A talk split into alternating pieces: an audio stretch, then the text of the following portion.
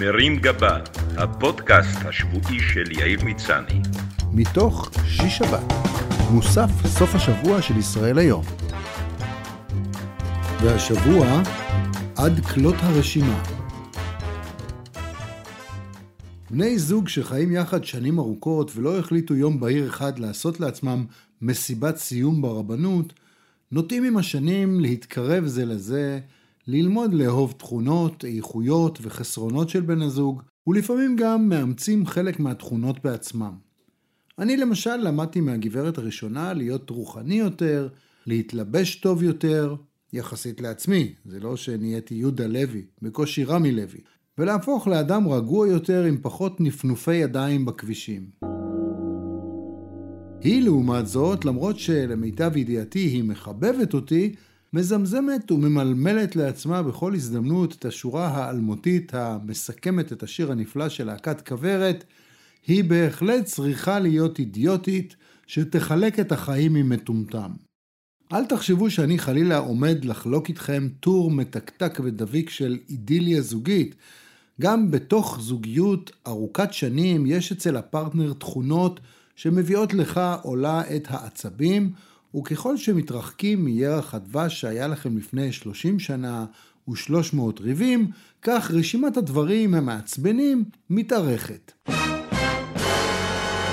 כשבני זוג רבים, הם נוטים בלהט הסכסוך להטיח זה בזה דברים שמעצבנים אותם, ואם אין לך תחמושת מוכנה מראש, ידך עשויה להיות על התחתונה.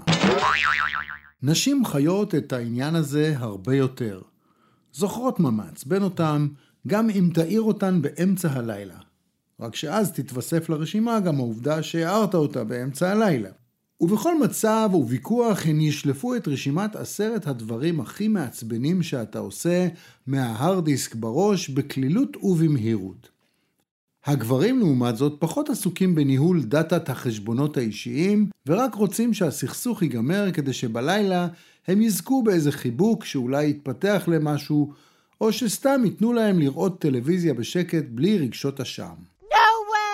אני למשל לא אוהב את העובדה שהיא מסתובבת זעופה בבית וממלמלת לעצמה מילים לא יפות, שגם אם היה נוחת חייזר מהחלל החיצון הוא היה מבין שהכתובת שאליה הן מכוונות אינן חסן נסראללה או מס הכנסה, אלא אני. ושנייה אחר כך, כשהטלפון מצלצל, היא פתאום מתוקה, חיובית ומנומסת, כמו מועמדת להיות חסידת, או במקרה שלה, ברווזת אומות העולם.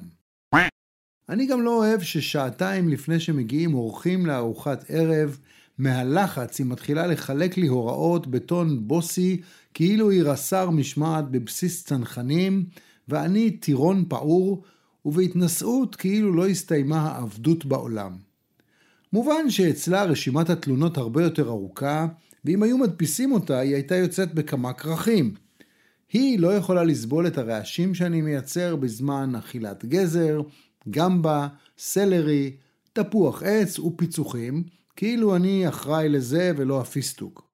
היא לא מרוצה מהפיניש שלי בכיור אחרי רחיצת כלים, מתעצבנת מתליית הבגדים המרושלת שלי, מההחלטות שאני מקבל בענייני דרכים, למה נסעת מכאן, למה לא שמת ווייז, למה אתה לא שואל מישהו, למה אתה לא מקשיב לי. Thank you. לפני כמה ימים רכשתי בעידודה נעלי התעמלות מסוג חדש ואיכותי, בתוספת מדרסים שהוצבו למידותיי ולבהונותיי. אחרי כמה שבועות של שימוש, היא שמה לב שהסוליה מייצרת רעש מרגיז, שמזכיר משהו בין דלת חורקת בסרט אימה לזוג דורבנים שמקיים יחסים בעליית גג עם רצפת גומי. הרעש הזה כל כך עצבן אותה, שהיא ביקשה ממני להוריד את הנעליים לפני שאני נכנס הביתה. כאקט של מרד אזרחי, ובניסיון לשמר משהו מכבודי העצמי, אמרתי לה שאני חושב שצריך לעשות רשימה של כל הדברים שמעצבנים אותה, כדי שהיא תבין את חומרת מצבה. ואז היא אמרה, בראש הרשימה תכתוב שהדבר שאני הכי שונאת אצלך זה את כל הרשימות שאתה עושה. רשימת קניות, רשימת מטלות, רשימת קיצוצים, רשימת מוזמנים, ומרוב רשימות אתה בסוף לא מבצע שום מטלה, והכי גרוע, אתה לא זוכר איפה הנחת את הרשימה, אולי תתלה על המקרר רשימה שבה כתוב איפה שמת את כל הרשימות שלך. לפעמים החיים מטלטלים אותך מקיצוניות אחת לשנייה. ואחרי שהגעת לאיזו פסגה מרוממת נפש וכולם מוחאים לך כפיים, אתה חוזר למציאות ויורד עם השקית המטפטפת של הזבל וחתול קופץ עליך. השבוע הופענו בקונצרט מיוחד עם התזמורת הפילהרמונית בהיכל התרבות. זה היה מכובד ומרגש, והתחושה של התזמורת הגדולה שמנגנת מול אולם מלא את שיריך, וכלי הקשת והנשיפה עוטפים אותך מכל הכיוונים, היא של אירוע יחיד ומיוחד. אבל לפני שאני עף על עצמי, אני מחויב בסיפור לא פחות מרומם נפש, אבל קצת פחות זוהר. בתי החיילת הודיעה שבמסגרת הקורס שהיא עוברת בצה"ל, הם נוסעים לשמח קשישים בבית אבות קטן ביהוד. הגברת הראשונה חקרה אותה מה בדיוק מתוכנן במפגש, והקטנה ענתה שבין השאר הם מתכננים לשיר איתם שירים. ומי מלווה אתכם בשירה? שאלה רעייתי. אף אחד, ענתה הקטנה, נשיר ככה. אז אולי תבקשי מאבא שיבוא עם הקלידים שלו וילווה אתכם, ענתה הגברת בלי להתייעץ איתי. רק אם יש לו זמן כמובן. וכך, אחרי שהילדה ביקשה יפה ממני ומהמפקדים שלה, מצאתי את עצמי יומיים אחרי ההופעה עם הפילהרמונית, מול אלפיים אנשים, מעמיס קלידים ומגבר לבגאז' וכמו מדריך תיירים מטעם עצמו, מתייצב בבית האבות הנ"ל כמלווה של שירה בציבור. המקום היה עמוס חיילים וקשישים, ואני תהיתי מי בדיוק מנהל את האירוע, ואיך אני מקדם את העלילה לכדי אחר צהריים שבו משמחים קשישים בשירה בציבור. הבנתי שיש פה אתגר משולש. אני צריך למצוא שירים שאני מכיר ומסוגל לנגן, שהקשישים ישמחו לשיר, ושגם חיילים בני 18, שהז'אנר המוזיקלי האהוב עליהם הוא טיק טוק, יכירו. משימה לא פשוטה בהתחשב בפער גילים של 70 שנה, שבקצב של היום מרגיש כמו 700. הקשישים רקדו בשנות ה-50 טוויסט ושרו את אבא לבוא ללונה פארק של ישראל יצחקי, ובעיני החיילים האלה אפילו סטטיק בן אל ונועה קירל הם כבר קשישים שצריכים להתחיל לחפש בית אבות.